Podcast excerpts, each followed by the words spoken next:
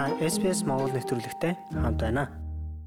Сайн мэцхан сонсогчдоо SBS Mongolia цаг үетэй холбоотойгоор нэгэн зочныг өнөөдөр урьж оролцуулаад байна. Тэгэхээр яг одоогийн байдлаар 7 дугаар сарын 1-ээс 10 дугаар сарын 31-ний хугацаанд бид нар олсон орлогынхаа татварыг мэдүүлэх ёстой. Тэгээд энэ сэдвээр бид нэр ярилцахаар мэрэгжлийн хүнийг өнөөдөр урьсан юм а. Манай өнөөдрийн зочин Цэлмэг Сидней хотноос бид нартай холбогдож байгаа. За зочноо товч танилцуулахад манай зочин Цэлмэг Master of Accountant за энэ мэрэгчлэрээ сүүлийн 3 жилийн туршид ажиллаж байгаа. Австрали улсад ирээд 6 жил амьдарч байгаа юм бүсгүй байгаамаа.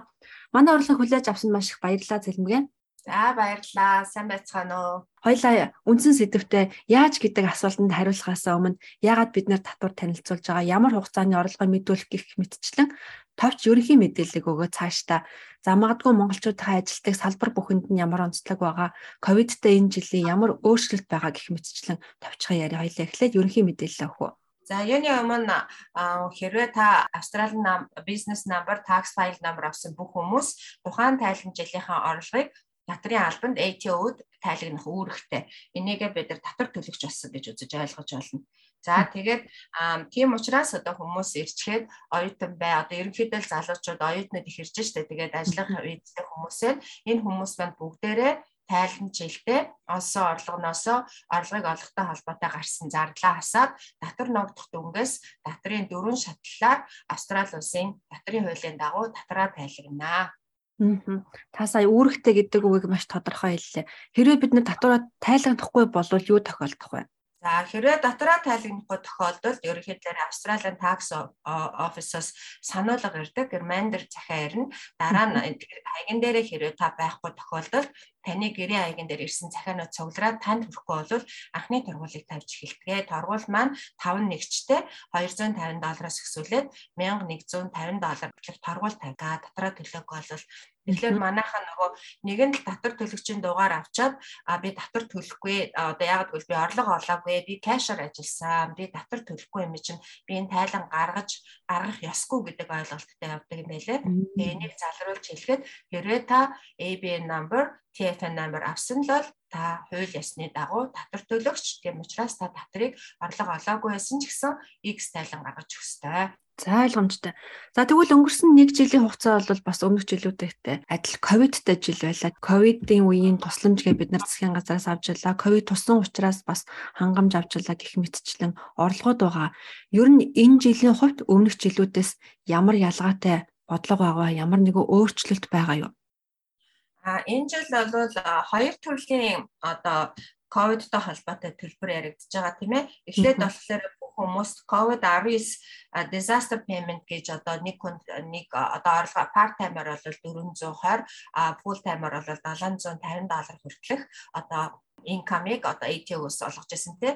Одоо энэ дараа энэний дараагаар өөрөө COVID туссан буюу COVID-тай хүүхдээ нөхрөө асарсны payment гэд pandemic leave disaster payment гэж авсан хүмүүс энэ орлогыг одоо өөрийнхөө орлогон дээр нэмж одоо мэдүүлэх ёстой тийм заалт орж ирсэн. Хоёр өөр төрлийн юм байна. Эхлээд бол хүн болгоо авч ирсэн.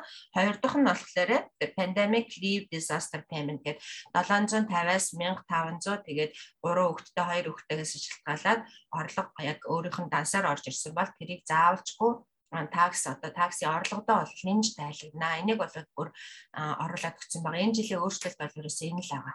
За одоо хоёлаа монголчуудын ажилтдаг салбар бүрийг ингээд задлаад нэг нэгээр нь яривал ямар вэ? хамгийн түрүүнд асуумаар байгаа зүйл бол энэ төмрийнхэн гэж нэрлэгддэг.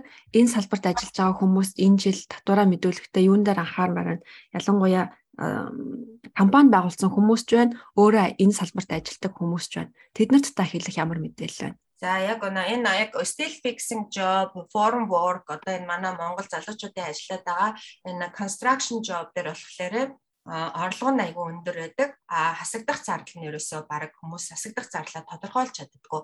Тэгэхээр яг энэ ажил дээр ажиллаж байгаа тухайн орлогыг олохтой холбоотой зардлуудын талаар баг зэрэг хэлээ тийм ээ.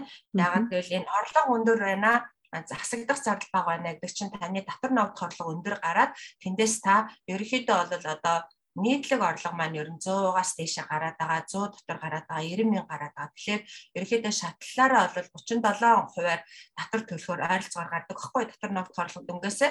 Тэгэхээр манай энэ Монгол залуучууд татвараас хасагдах зардлаа сайн тодорхойлж чаддаггүй. За steel fix-н дээр тухайлан хэлэх юм бол steel fix-н дээр ололгоо орлогыг олохтой холбоотой зардал гэхээр өөрснөө дээр багжаа авдаг дамар, нипс одоо юу гэдэг юм ээ. Тэр зардлууд тэр авсан худалдаж авсан а одоо өөртөө ашиглах тэр одоо багжныхаа юг ресепт байхгүй гэдэг багхгүй. Тэгэхээр хэрвээ та Банингс одоо том том дэлгүүрүүдээс авж байгаа тохиолдолд мэдээж ресипттэй байдаг. Тухай тухай үедээ зургийг авдаг ч юм уу. А хэрвээ одоо Flamington зах эдраас ч авцсан байлаа гэж бодоход тухайн бүтээгдэхүүнийг зарж байгаа борлуулж байгаа хүмүүс бүгдэнд нь cash receipt бүх байдаг. Тэрийг шаардаж авах хэрэгтэй. А ер нь хүмүүс энийг авдаггүй. Ингээд cash receipt-тэй цуглуулчих юм бол энэ чинь одоо 500 доллар хүртэл ер нь хасагдах зардал ордог. А энэ дээр нэмж хэлэхэд ATO-гоос work related deduction гэдэг нөө лист байдаг байхгүй. Тэр листэд нь болохоор яг occupation occupation-аараа гарчдаг. Тэгэн гуйдлаа тэр occupation дотроо одоо жишээлбэл саяны төмөр төмрийн ажил хийдэг улсууд дээр 500 доллар хүртэл гээд лимит заагаад өгчдөг. Тэгэн гутлаа өөрийнхөө occupation дотроо зардал гарна, ийм зардал гарна. Энэ зардал нь тэдээс хэтрэхгүй шүү гэдэг ингээд IT үүдээр бүр заагаад өчтдөг байхгүй. Тэгэхээр энэний дагуу би хүмүүст хэлээд за багжин дээр чинь би чам receipt чинь байна уу? Байхгүй бол би чамд 300 доллар хүртэлх.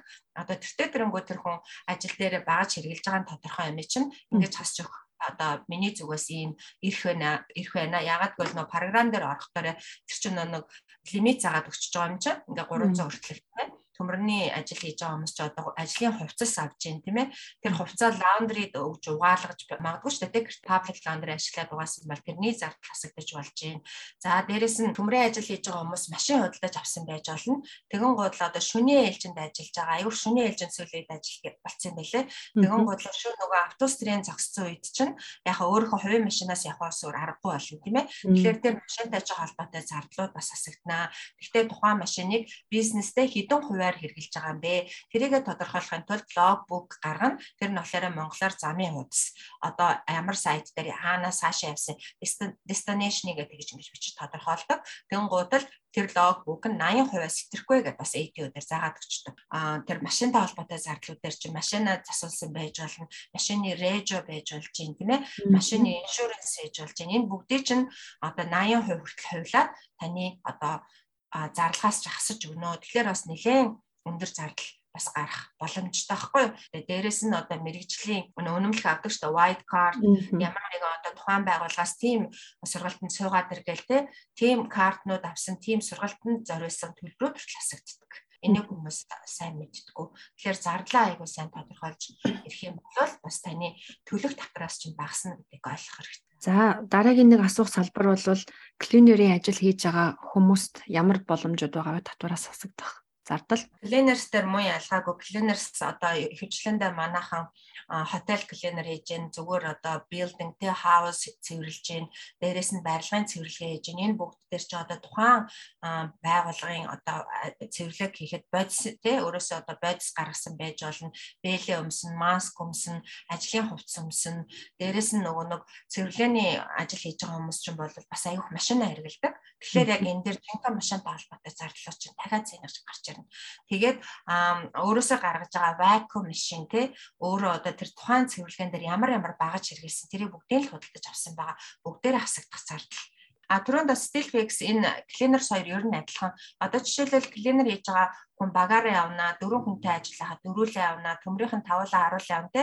Тэнгуул хамгийн том зардал бол subcontractor payment гэж байдаг. Хамт авч явж байгаа хүмүүстэй цалин тавьж байгаа дээ, тийм ээ. Тэгэхээр тэр хүмүүсийнхаа ABN-ыг аваад ABN-ээр өөрийнхөө олсон орлогоноос ABN-ээр тухайн хүмүүс цалин тавьсан байгаа. Тэр нь болохоор subcontractor payment гэдэг маш том зардал гарч өгдөг. Энийг ер нь бол хүмүүс мэдж байгаа. Гэхдээ ABN-ыг аваагүй кэшээр өгсөн, кэшээр орсон орлого, кэшээр гарсан зардал ямар ч тооцоонд орохгүй. Тийм учраас тухайн хүнийхээ ABN-ыг авлаа.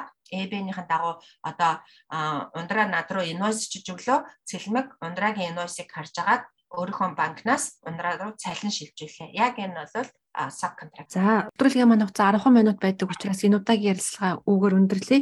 Дараагийн 7 хоногийн дугаартаа хоёлаа яг энэ сэдвэрээ өргөлжлүүлэн олон монгол хүмүүст хэрэгтэй мэдээллийг хүргэе. 7 хоногт ахаад уулзгоёлаа. За баярлаа. За баяртай. SBS A World of Difference